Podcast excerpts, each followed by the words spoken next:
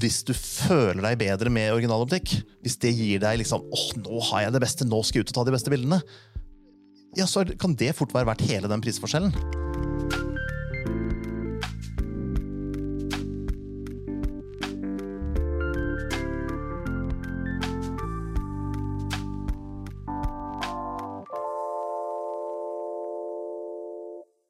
Velkommen tilbake til Fotopodden, Foto.no sin egen podkast. I dag Erik, skal vi snakke om noe veldig interessant. nå. Ja, det skal vi. Noe som vi snakker om litt i vårt åpent eh, nye kontorlokale eh, på Barcode, siden vi har gjort et par tester mellom originaloptikk og tredjepartsoptikk. Jepp. Og det var såpass mye informasjon som vi ønsket å formidle ut, at det ble litt for mye informasjon til å ta i en YouTube-video. Men vi har laget en YouTube-video på det og vist litt forskjellige tester, vist eh, objektiv mot hverandre og sånne ting, men vi må eh, gå litt mer i dybden Mm. i dette temaet. Og det er det vi skal i dag. Og ikke bare i dybden, men litt i bredden også, egentlig. Litt i bredden, litt i Ja. dybden, litt overalt. Det blir litt generelt. Litt generelt. Ja. Så eh, det evige spørsmålet, hva er best mellom original og tredjepartsoptikk? Ja, absolutt. Skal vi oppsummere Ja, med en gang? det er det. Ikke sant? Og du har jo, la oss bare liksom, ok, si, si et originaloptikk er jo, vi skyter jo på eh, et Canon-kamera her, og vi skyter oss på et Sony-kamera, bare for å se hvordan de går opp mot hverandre. Vi har jo Canon-optikk, og vi har Sony-optikk på disse kameraene. Men du har eh, Sigma, du har Tamron, du har Samyang, du har alle de forskjellige merkene som lager objektiver til disse kameraene, Mm. som ikke er en del av merket, Mm. men de funker på kameraene for det. Det gjør de. Nesten alltid. Nesten alltid. det, det, det er sant. Og, og du har veldig mange forskjellige objektiver. Også noen ganger så er prisforskjellen veldig stor. Mm. Eh, og det er der man begynner da å lure på hva den store forskjellen er, fordi de har samme brennvidde og samme blender, Mm. men prisforskjellen er, eh, er der. Mm. Vi kan, jo, vi kan jo begynne litt historisk, kanskje. Altså, hvis du går Ja. tilbake til La oss eh, starte på begynnelsen. ja, i gamle dager, I gamle dager. før man hadde autofokus, så var det jo veldig lett å lage et objektiv. Fordi alle objektivene hadde blendering, og alle hadde fokusring. Og det var bare å lage en fatning som passet på et kamera, og vips, så hadde du et objektiv. Du måtte ha litt glass og sånn, da, men, Ja. men du trengte ikke en masse elektronisk kommunikasjon mellom kamera og objektivet. Så kom autofokus, og da ble det jo litt vanskeligere å lage tredjepartsoptikk. For da måtte man enten drive uh, reverse engineering, som det heter på godt norsk, for å finne ut hvordan kamera og objektiv snakker sammen. Eller så måtte man ha en avtale med kameraprodusenten. Og det var ikke alltid man fikk. Og sånn er det egentlig fortsatt i dag. At du må enten gjøre det litt ulovlig, og da kan du risikere å bli saksøkt av kameraprodusenten. Eller du kan ha en avtale med kameraprodusenten, og da kan du jo gjøre det på en skikkelig måte. Men av og til med visse begrensninger, fordi kameraprodusenten vil beholde noen fordeler selv. Mm. Så for eksempel til Canon EOS RF så finnes det ikke per i dag tredjepartsoptikk til, med autofokus. Nei. Så vil noen arrestere meg på det, fordi det finnes, men det er ikke salg. er det egentlig jeg prøver å si, For det fantes en stund noen Samyang-objektiver, men de måtte de trekke tilbake. Fordi de fikk det ikke lov til å lage. For der hadde de antagelig ikke noen avtale med Canon. Mens på Sony så finnes det mange merker. Mm. Så, så der er det veldig individuelt hva de forskjellige velger å gjøre. På EF så finnes det fra mange merker, altså Canon EF-fatning så finnes det på mange merker. Mm. Så, så det er en sånn, det er mye politikk da, fra produsentenes side. Ja. Og så ja, og så finnes det jo tredjepartsoptikk som ikke har autofokus.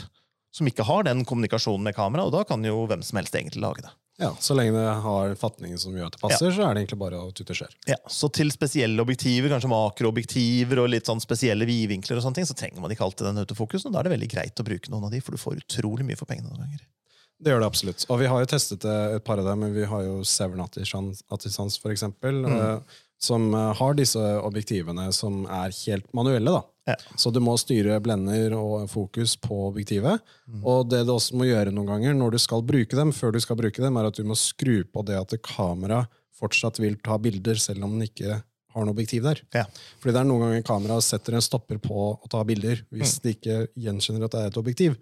Og den vil ikke gjenkjenne ob- ob- objektivet, fordi de kommuniserer ikke med hverandre. Nei, De har ikke de, der, eh, sånn, de, de eh, taggene. eh, de som, eh, elektroniske kontaktene som ja, er inne der, de som- mangler. Ja, de Mm. mangler. Og Det gjør jo også at du får ingen metadata fra disse objektivene. Så Hvis du tar et bilde, så kan du ikke se hvilket objektiv det er tatt på, brennvidde, blender osv. Du kan selvfølgelig se lukkertid og ting som stiller ISO-verdi som stilles i kamera. Men ting som kommer fra objektivet, vil du ikke kunne vite. Og det er noen ganger på de objektivene hvor du får, du får en viss type karakter. En, en viss type look på, på bildene dine som du ellers egentlig ikke får. Eh, så det er, lønner seg egentlig liksom at det, det, hadde vært, det er kult noen ganger å teste og eksperimentere litt med de objektivene. eh, For å se på en måte at du får en sånn unik stil da, på bildene. Og noen av dem lager også objektiver som ikke finnes fra originalprodusenten. Ja. Altså Når vi er inne på disse som ikke snakker med kamera, så har du jo sånn 35 mm 095, eller en to ganger makroobjektiv, og den typen ting. da. Ja, veldig spesielle Som- objektiver. Ja, Og det er litt morsomt. Ja. Og noen ganger så koster det ingenting. Eller, det gjør det, men det koster nesten, altså, latterlig lite. Noen av de uten autofokus og uten bildestabilisator og uten Mm. eh, kontakter. De er ofte vesentlig billigere enn eh, Ja. en de med. Og der er jo prisforskjellen ganske sånn selvforklarende. Eh, men eh, hvis Når vi eh, tok og gjorde et par forskjellige tester, så så vi jo et veldig enormt prishopp mellom Noen ganger mellom Sigma og Sony, eksempel. Mm. Uten at kvalitetsforskjellen nødvendigvis var der. Ja. Og altså, Den korte versjonen av det er at i valget mellom originaloptikk og ikke-originaloptikk, så vil alle velge originaloptikk hvis alt annet er likt. Ja. Så derfor så må du enten betale mindre eller få mer, eller begge deler, med en ikke-originaloptikk. For ellers så ville folk velge originaloptikken. Og så er det ikke alltid så vanskelig nødvendigvis å gjøre det, fordi øhm, merkeprodusentene de tar jo betalt for merkenavnet. Altså, Går du i en skobutikk og kjøper en merkesko, så er den lagd på en fabrikk i Vietnam eller Kina, hvor de også lager 18 andre merker og ting som er no name. Og produksjonskostnaden på en sko til 1500 kroner er kanskje en hundrelapp. Og resten er markedsføring, branding, alle de greiene rundt. Og, og hadde du kjøpt en no name, så hadde den kanskje kosta 500 kroner i Norge. Ja. Og da skjønner du at du betaler ganske mye for merket. Og jeg sier ikke at det er så mye på, på kameraobjektiver, men det er klart at kjøper du et objektiv det står Canon på, så betaler du for at det står Canon på det. Ja. Men det gir også noen fordeler. Altså Ikke bare at det står det, da. Men Canon vet bedre hvordan Canon fungerer enn alle andre. Og det gir jo en fordel til disse eh, objektivene. Og når jeg innledningsvis sa at de nesten alltid virker, de tredjepartsobjektivene, så er det fordi det hender at kameraprodusenten kommer med en firmware-oppdatering som gjør at noen tredjepartsobjektiver ikke lenger vil autofokusere, f.eks. Ja. Autofokusen slutter å fungere. Og da må man oppgradere firmware i objektivet også, og så fungerer det igjen. Og i dag så kan du få sånne pucker, som vi kaller det, altså sånn uh, endestykke du kan sette på objektivet for å koble det til PC-en for å oppgradere føremålen på tredjepartsobjektiver. Det har i hvert fall både Sigma og Tamron. Ja. har det.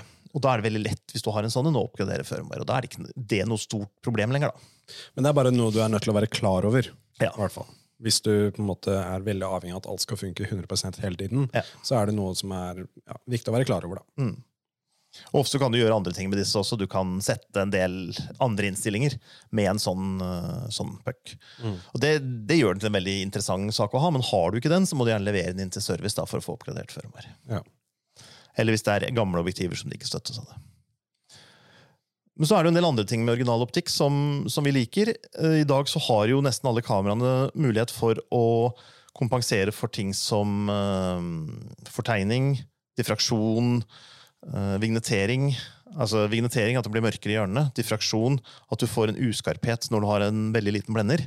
Og fortegning, at rette linjer i kanten særlig ikke er helt rette. Og det kan kameraene kompensere for. Og si at jeg vet hvordan dette objektivet tegner, og da vet jeg hvordan jeg skal rette det opp.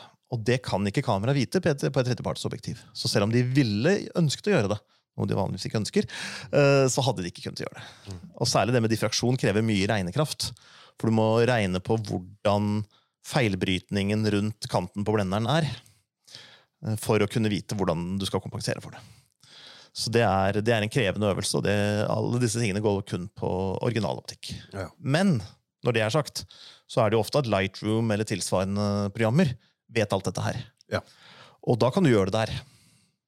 Men skal du ta et, et JPEG-fil rett ut av kameraet og sende det ut i verden, så får du ikke de kompensasjonene da, med, med tredjepartsoptikk.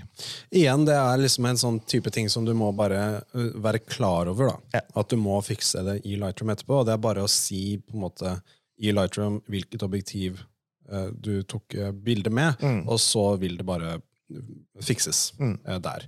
Men det er sånn sier, det, er, det er fint å være klar over det. Ja. Så det er, det er visse ting, visse workarounds som man må gjøre for at du skal liksom få den, så den samme kvaliteten da, Mm. på en original. Og i dag så er det jo veldig mange objektiver som har optisk omtrent den samme kvaliteten, eller kanskje til og med bedre i en del tilfeller, enn originaloptikk. Men det er også relativt nytt, egentlig. Ja. For før 2012, kanskje, så så vi ikke det. Da var tredjepartsoptikk var billig optikk. Det var for de som ikke hadde råd til originalen osv. Det var det billige alternativet. Jeg var en av de. Ja. Du er ikke alene om det. Nei. Eh, og så kom Sigma med 35 mm 1.4 for Canon EF og Nikon F. Og plutselig bare endra hele markedet.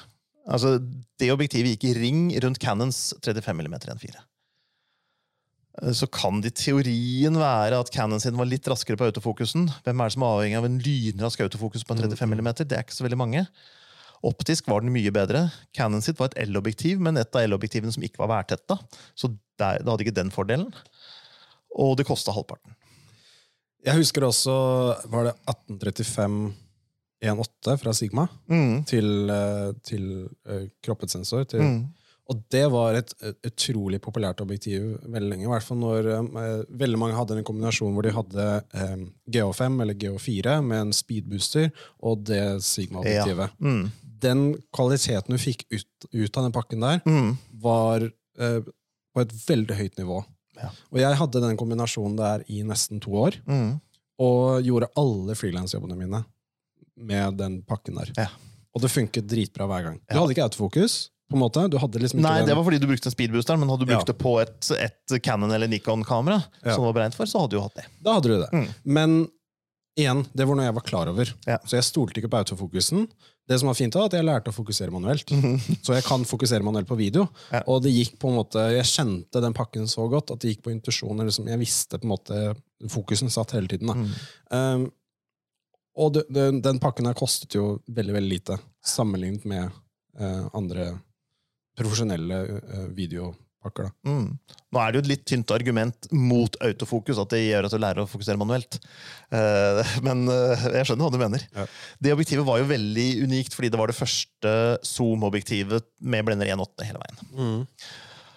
Og da jeg testa det, så var jeg egentlig nesten sjokkert. Fordi jeg tenkte at jo, jo, alle kan lage et zoom-objektiv med blender 1.8, men får man lagd det godt innenfor en, den størrelsen og den prisen det var, og det hadde de klart. Ja. Det var veldig, veldig bra. Um, så det var lyssterkt, og det var bra, og det var kompakt, og det var relativt rimelig. Ja. Og til video så hadde lite breathing. altså Når du endra fokus, Mm. så var det, endra du utsnittet i veldig liten grad. Som alltid er et problem på vanlige objektiver. Det er litt derfor man har dedikerte sine objektiver, blant annet. Ja. Eh, Og det gjorde det også i liten grad. Så det var et sånn juvel, altså. Ja. Og, og ikke bare fordi det var liksom bedre enn originalen, for det var det ikke, for det fantes ingen original. Og, og der har også tredjepartsprodusenter gjort en formidabel innsats synes jeg, med å fylle inn hull. Altså lage objektiver som originalprodusenten ikke lager. 150-600 zoomer ble kjempepopulære. Sigma og Tamron har jo solgt bøtter og spann av dem. Ja. Eh, og det har mangla hos originalprodusentene. Så mange sånne ting har vært, eh, har vært veldig smart. Så tredjepartsoptikk er jo fint hvis de tilbyr noe de an- originalprodusentene ikke tilbyr. Og det er fint hvis de har en billigere versjon. Eh, Og noen ganger så har de også en bedre versjon. Men med de begrensningene vi, vi snakker om her. da. Ja. Og det er som du sier, at liksom historisk sett så var det jo eh, litt sånn eh, problem med autofokus og sånne ting eh, på starten, men nå er det såpass bra at du får eh, veldig veldig fin kvalitet fra tredjepartsoptikk også. At det er, det er veldig vanskelig noen ganger å på en måte Ja. eh, nevne hva er det man ikke får. eh, Ja. i tredjepartsoptikk. Du får egentlig veldig mye av det samme. Jeg tror kanskje fortsatt at hvis du er helt avhengig av den ekstremt aller raskeste autofokusen, så vil den være raskere på originaloptikk. Rett og slett fordi at på tredjepartsoptikk så gjør de en oversettelse. Ja. Altså Når Sigma for eksempel lager et objektiv for Canon, og Nikon og Sony, bare for å ta et eksempel, så er det innvendig akkurat samme objektivet. Forskjellen er fatningen. Ja. Og så gjøres en oversettelse inni der et eller annet sted fra Canon, eller Nikon eller Sony-informasjon til Sigma-informasjon. Og den oversettelsen tar litt tid.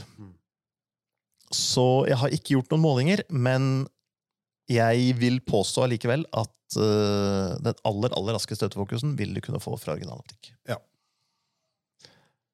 Men så dukker jo spørsmålet opp hva er originaloptikk, og hva er tredjepartsoptikk? Når Sigma lager objektiver for L-mount, Ja, ikke sant? så er vel det originaloptikk, for de er med i L-mount Alliance. Ja.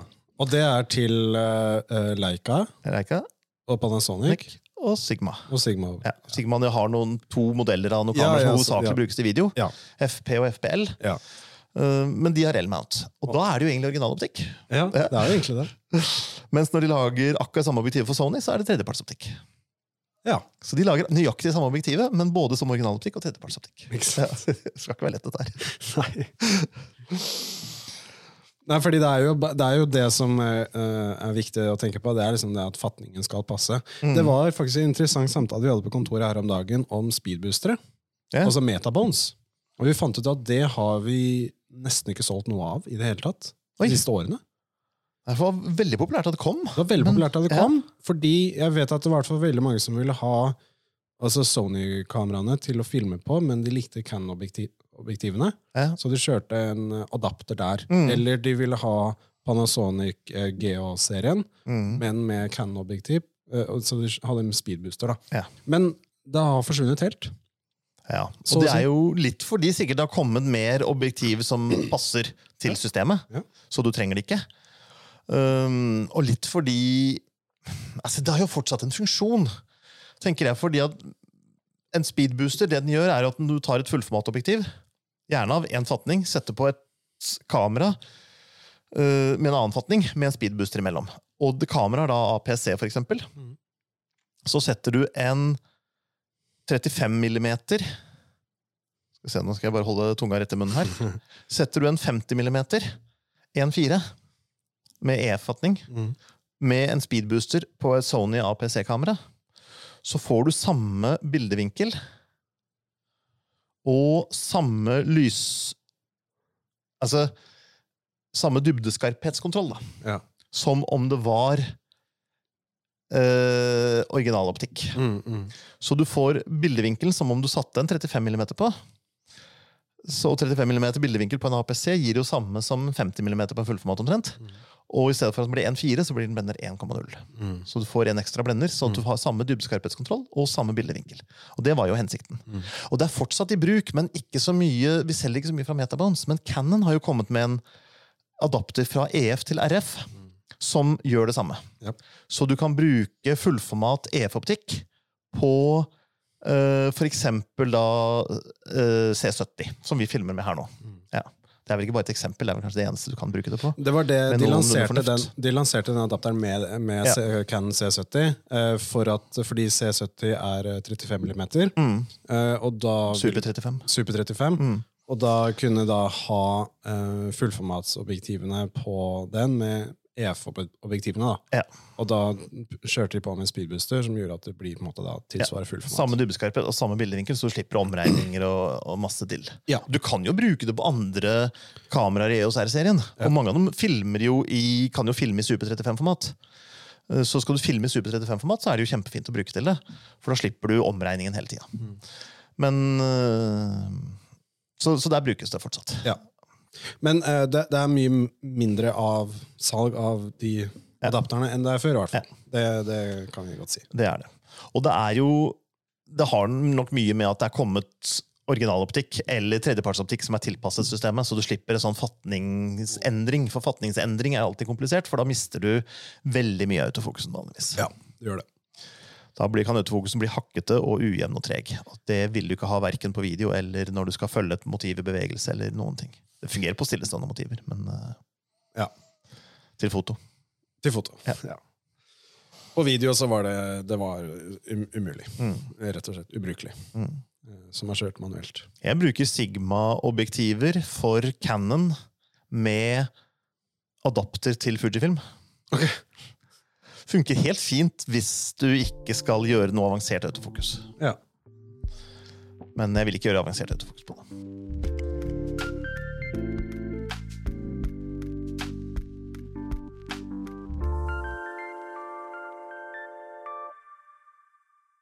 Så la oss gå gjennom litt. Vi har jo eh, et par tester da, som vi har i en eh, video. Hvor vi tester litt forskjellige objektiver. Oss, eh, vi har jo snakket litt om Sigma, men vi har jo også veldig veldig gode objektiver fra både Tamron og Samyang, eksempel. Mm. Som vi, vi testet på Sony, da, fordi det var det vi hadde eh, objektiver til for alle merkene. Mm. Eh, og det vi fant ut av, var at eh, Tamron og Sony har et eh, unikt samarbeid. Eller eierskapmessig. Ja. For de har vel noen eierandeler i hverandre? Ja. Så vidt jeg forstår, så eier, eier Sony 15% av Tamron. Ja, det er noe sånt. Ja. Så fordi det vi fant ut, var at hvis du skal ha en 2470, for eksempel Mm. eh, en, eh, Du har en 2470 2.8 til Sony, eh, G-masteren eh, til Sony, og så går du ned til, hvis du vil ha det samme eh, objektivet til fra Tamron til Sony, Mm. så blir det ikke 2470, fordi det, det, de skal ikke ha samme brennvidde. Så det blir uh, Hva er det det blir, da? 2875. Ja. Fortsatt 2.8, Ja. men mye mer kompakt. Ja. Mye billigere. Men, men det er bare nok det at liksom, hvis du søker i nettbutikken vår Mm. på 2470, Mm. så kommer ikke Tamron, Tamron opp, nei. Tamron opp til Sony. Nei. Den kommer opp til uh, Nikon og Canon, men ikke til Sony. Fordi da er det, det er 2875. Det er liksom, bare sånne småting som det, da. Mm. Som uh, jeg fant ut i hvert fall da. Og det er jo en litt interessant ting. For det første er det jo, syns jeg det er eh, fint for oss som skal kjøpe dette her, at eh, de ikke er helt like. Altså Det er greit å kunne si ok, men jeg vil ha en 2470, men jeg vil ha en billigere enn Sony. Da kjøper jeg Tamron. Mm. Um, mens de tilbyr ikke 2470, så hva gjør du da? Jo, jo, du kan kjøpe Sigma fortsatt, da, for den, de har 2470. Ja. Uh, og så har du 2875 hvis du vil ha noe som er mer kompakt og mye rimeligere. Mm. Og du ikke er så avhengig av 24 mm. Men mange er litt avhengig av 24 mm. Jeg klarer meg uten en eget vidvinkelobjektiv hvis jeg har 24 mm på en standardzoom, men ikke hvis jeg har 28 mm på en standardzoom. Så jeg sparer et objektiv hvis den går for 24 mm. Ja. Men for andre så er det ikke sånn, og da er det ikke noe problem. Skal du filme, så er det ikke alltid så gøy med ekstreme vidvinkler, for du får mye rart ut i kanten når du panorerer, eksempel. Og da kan det være 28 er likså bra. Og da, da har man det alternativet. Men det er jo naturlig at når, sam, når Sony eier deler av Tamron, Ja. at de ikke vil at de skal lage direkte konkurrerende objektiver. Ikke da er det bedre å putte noe imellom der. Ja, ja absolutt. Um, uh, vi snakket også med noe fra kundeservice med tanke på liksom, jeg, jeg, jeg sa til dem bare sånn Forklar forskjellene litt sånn spesifikt. Og de sa altså værtetting er jo også et tema som er veldig viktig å, å bedømme om du faktisk trenger. da. Mm. Eh, Du må liksom vite om du trenger et værtettet objektiv eller ikke. Ja. Jeg vet ikke om det er noe særlig stor forskjell der. Det er det nok, men det er nesten umulig å si. Mm. Fordi værtetting det er, altså det er blitt bedre med åra, men tradisjonelt så har værtetting vært 80-90% markedsføring og 10-20 værtetting. Ok. Vi hadde en stygg sak med et merke. Jeg skal ikke nevne akkurat hvilket. Men de lanserte et kamera som de sa var værtetta. Og i begynnelsen, hvis det kom inn med vannskader, så reparerte de det. Men etter hvert så sa de at nei, det er ikke garanti, fordi dette kameraet er værtetta. Så hvis det er vannskada, så har du brukt det feil. Ja. Og en stund etter det så viste det seg at det mangla helt værtettinger der hvor festet til nakkeremmen var. Så da kunne det bare renne vann nedover nakkeremmen, og så over det festet, og så inn i kamera. Ah. Og likevel så hadde de da ikke reparert det på garantien, fordi de hadde definert det som værtetta. Mm. og, og, og sånne ting gjør at ok, um, de sier det er dette, men hva betyr det egentlig? Så skal man skryte noe av noen, så skal man skryte av Olympus. De lar oss teste værtettinga. Ja. Allerede for 15 års tid siden så fikk vi lov til å teste Olympus speilreflekskamera under rennende vann i springen. Jeg tok bilde med blitsen oppe under rennende vann i springen. Jeg har fått lov av Olympus å duppe et kamera i fjorden eh, og filme under vann mens jeg gjorde det. Bare tok det opp, tørket av det verste vannet og fortsatte å fotografere. Og det er det ingen andre som gjør. Så Olympus de har værtetting, de andre vet vi ikke. Nei, de, de fleste i dag har god værtetting på det de sier de har værtetting på. Ja. Men det er fortsatt litt sånn markedsføringen bak det. Så forskjellen er skal du ta det fram når du tar noen bilder, og så legge det ned i bagen når du er ferdig med å ta bilder, eller skal det stå på et stativ ute i horisontalt vestlandsvær i november i noen timer for å ta en timelapse eller noe sånt. nå. Og det er en vesentlig forskjell på de to tingene. Ja.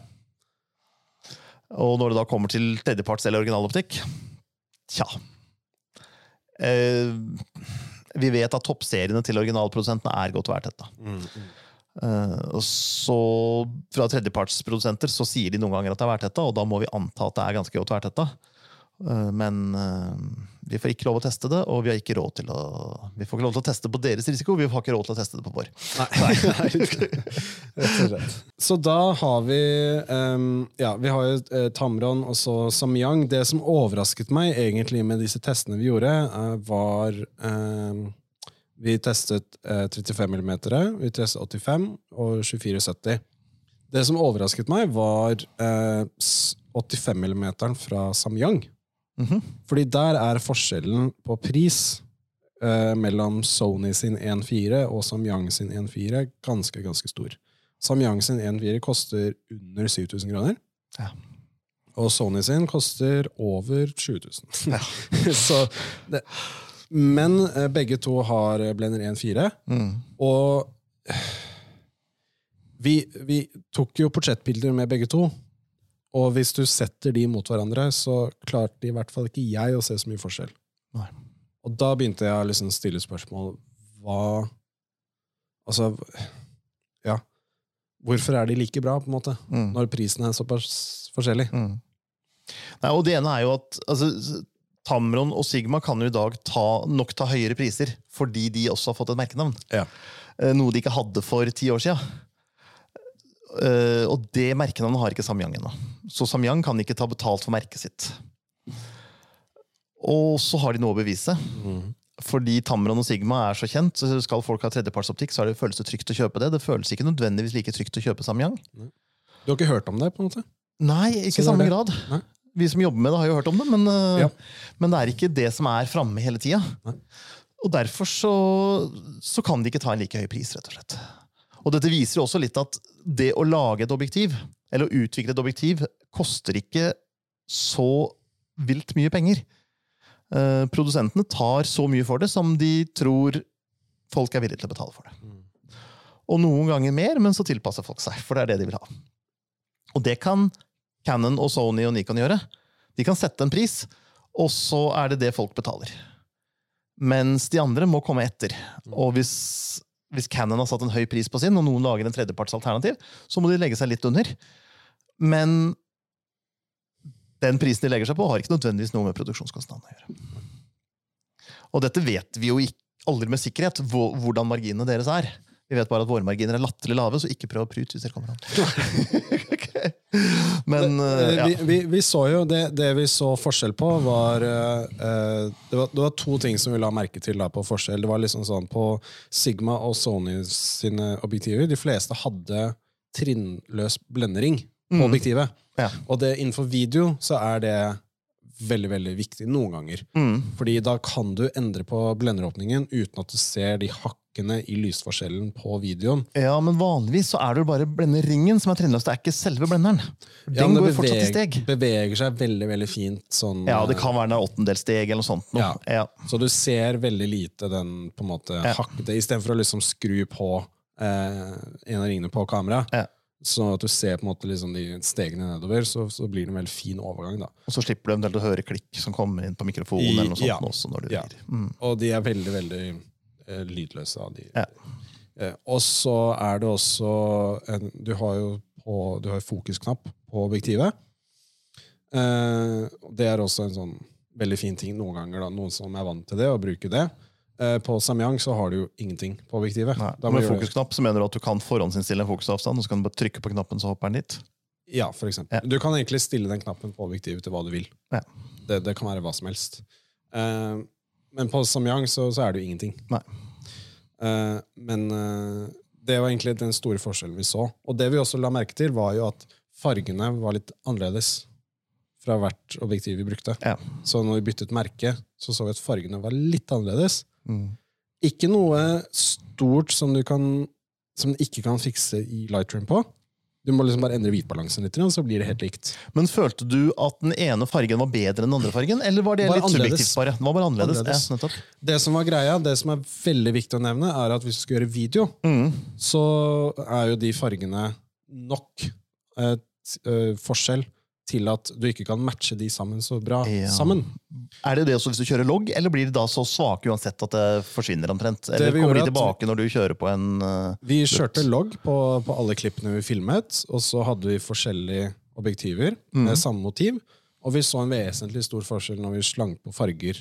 Samme fargeprofil på alle kameraene. Ja. Og det som, eh, på alle klippene. Og det som er veldig vanlig, da, i hvert fall for sånn som jeg jobber, er at hvis du kjører to-tre kameraer, mm, og så slenger du på da samme fargeprofil på alle kameraene, mm, og hvis du har samme kamera, mm, men forskjellige merker på objektivene, mm. så vil du se forskjell. Ja.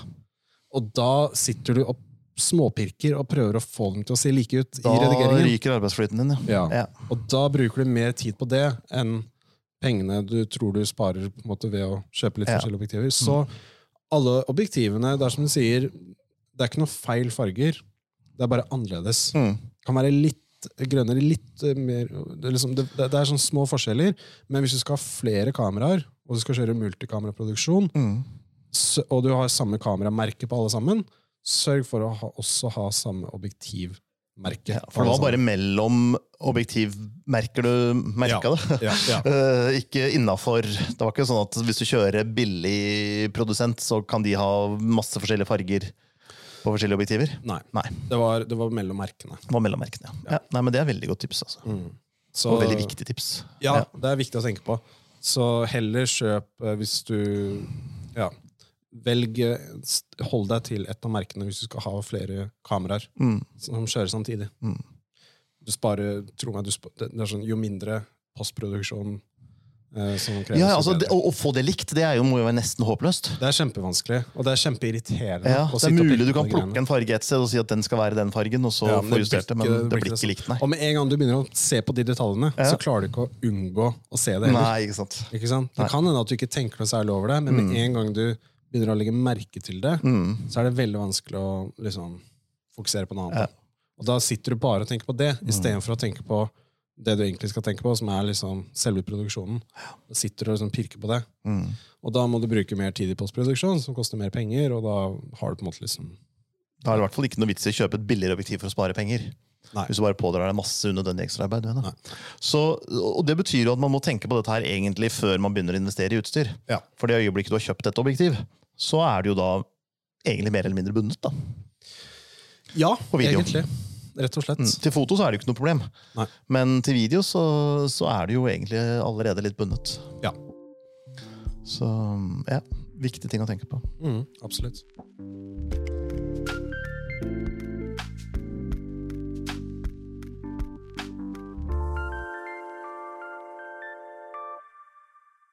Det er jo alltid en del sånne funksjoner på en del av disse objektivene. Sånn som det vi sa om, om at det blir rett opp i kamera, denne knappen du snakket om. Noen har bildestabilisator, noen har ikke bildestabilisator. Bildestabilisator er veldig, veldig kjekt. Um, men hvis du har stabilisator i kamerahuset, og det er brennvidder si under en 150 millimeter, eller noe sånt, nå, så det, klarer du det helt fint med den som er i kamera. Og da er det ikke så veldig farlig hva du slenger på.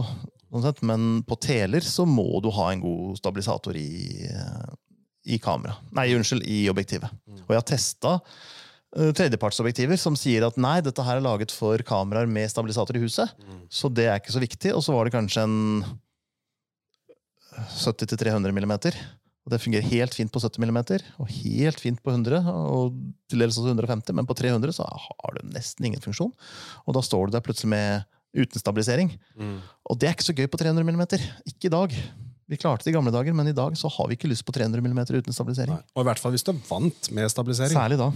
og så går det ned. Mm. Det, det vil man ikke. Nei. Det er ikke noe gøy. Nei, det er ikke gøy.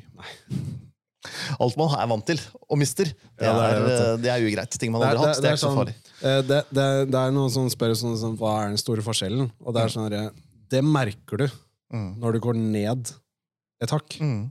Hvis du går opp et hakk, så merker du det kanskje ikke så veldig mye. Men når du går ned igjen Mm. til et, annet, til et lavere nivå, Mm. så merker du med en gang Ja. hvor vant du har blitt med den luksusen da, Ja, som du har på et Det høyt nivå. gjelder også for altså, den optiske kvaliteten, og det gjelder for Ja, ja. stereoanlegget ditt, og det gjelder for bilen din, ja, og det gjelder for alt. altså Maten din og Biler spesielt. ja, Det er uh, vanskelig å gå ned. Det er vanskelig å gå ned i livsstil generelt. Ja. Det er uh, du, du, vil ikke det. Nei, det vil du ikke. Det er bedre å være rik og frisk enn syk og fattig, er det ikke det? jo. Det er, det er helt riktig. Ikke at jeg har prøvd noen av delene, men Nei, jeg, jeg, vil, jeg, jeg vet hva jeg ville valgt, i hvert fall. Hvis jeg, hvis kunne velge. Ja. En ting som, eh, som eh, vår kjære, eh, søte, snille Ken Roger nevnte litt, var investering og videresalg. ja. Så hvis du kjøper en, et Sony-objektiv, eh, G-Master, si en 85 mm, da, Mm. For 23 000, et eller annet som koster nå Når du skal selge den igjen, Mm. så vil du få ikke full pris, men du vil få ganske mye for den. Mm. Hvis du kjøper en Samyang eh, 85 mm, Mm. så kan du ikke garantere at du får på en måte liksom tilsvarende Nei. eh, Så det holder seg nok litt bedre. Men så kan det jo fort bli et interessant regnestykke med akkurat de to objektivene. da. Siden den ene koster tre ganger så mye som den andre. Mm. Og en vanlig sånn going tommelfinger i vei eller finger i været bruktpris er jo to tredeler av nypris. Mm. Så hvis du selger en, en 85 mm G-master fra Sony brukt og får to tredeler av den, så har den tapt seg i verdi ganske nøyaktig like mye som nyprisen på en Samyang. Ja. Så hvis du får mer enn ingenting når du selger en Samyang, så kommer du da økonomisk bedre ut av det in Ja. the end. Eh, Men uh, dette her er jo Det er ikke bare bruktpris, det kommer an på hvilken følelse gir objektivet deg mens du bruker det. Ja.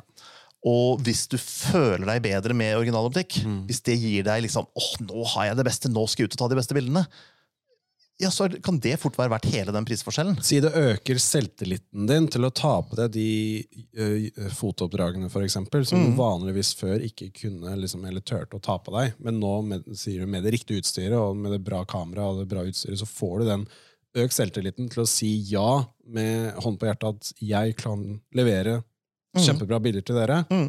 Så får du jo pengene bare der. Og ikke bare pengene, men hvis du får tatt bilder eller laget videoer du ellers ikke ville tatt eller lagd, så trenger man ikke tenke så mye på de kronene heller, fordi det er andre ting der som kanskje er verdt mer.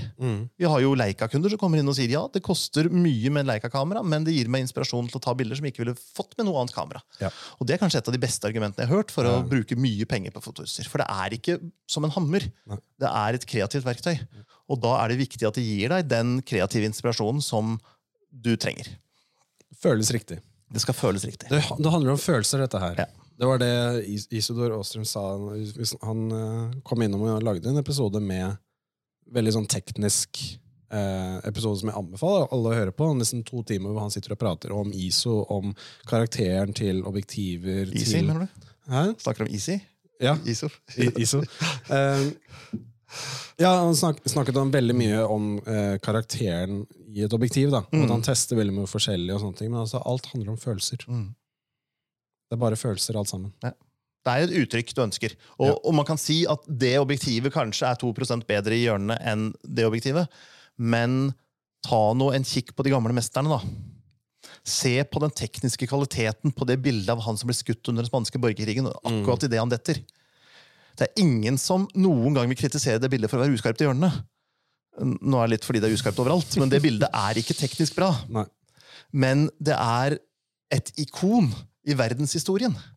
Og kan du ta et ikon i verdenshistorien, så driter folk i de siste to prosentene bildekvalitet. Gå nå for all del ut og ta gode bilder. Ja. Det er så mye viktigere. og hvis noen kritiserer Alberto Corda fordi bildene er litt uskarpe i hjørnet, så burde de kastes ut av utstillingen umiddelbart. da er det ingenting der å gjøre. Så ja. Jeg er helt enig med deg. Jeg tror vi avslutter på den. Ja. Vi kan ikke bli sagt bedre enn det, egentlig. Eh, Det var egentlig det. Og så takk Erik igjen for å dele din kunnskap og gjøre meg og andre eh, som lytter på, smartere. Takk for at jeg fikk være med deg. Det er veldig hyggelig. Det skjer jo ting i foto-NO-verden, og vi er jo i eh, Oslo nå. Men vi er jo ikke bare i sitter Oslo lenger. Nei, nei, nei. Vi er i Bergen. Vi er i Bergen også. Er ikke vi, da, for vi sitter i Oslo. Men Vi i Oslo. vi har avdeling i Bergen. Ja. Og avdelingen i Bergen den er litt sånn for deg som trenger en løsning.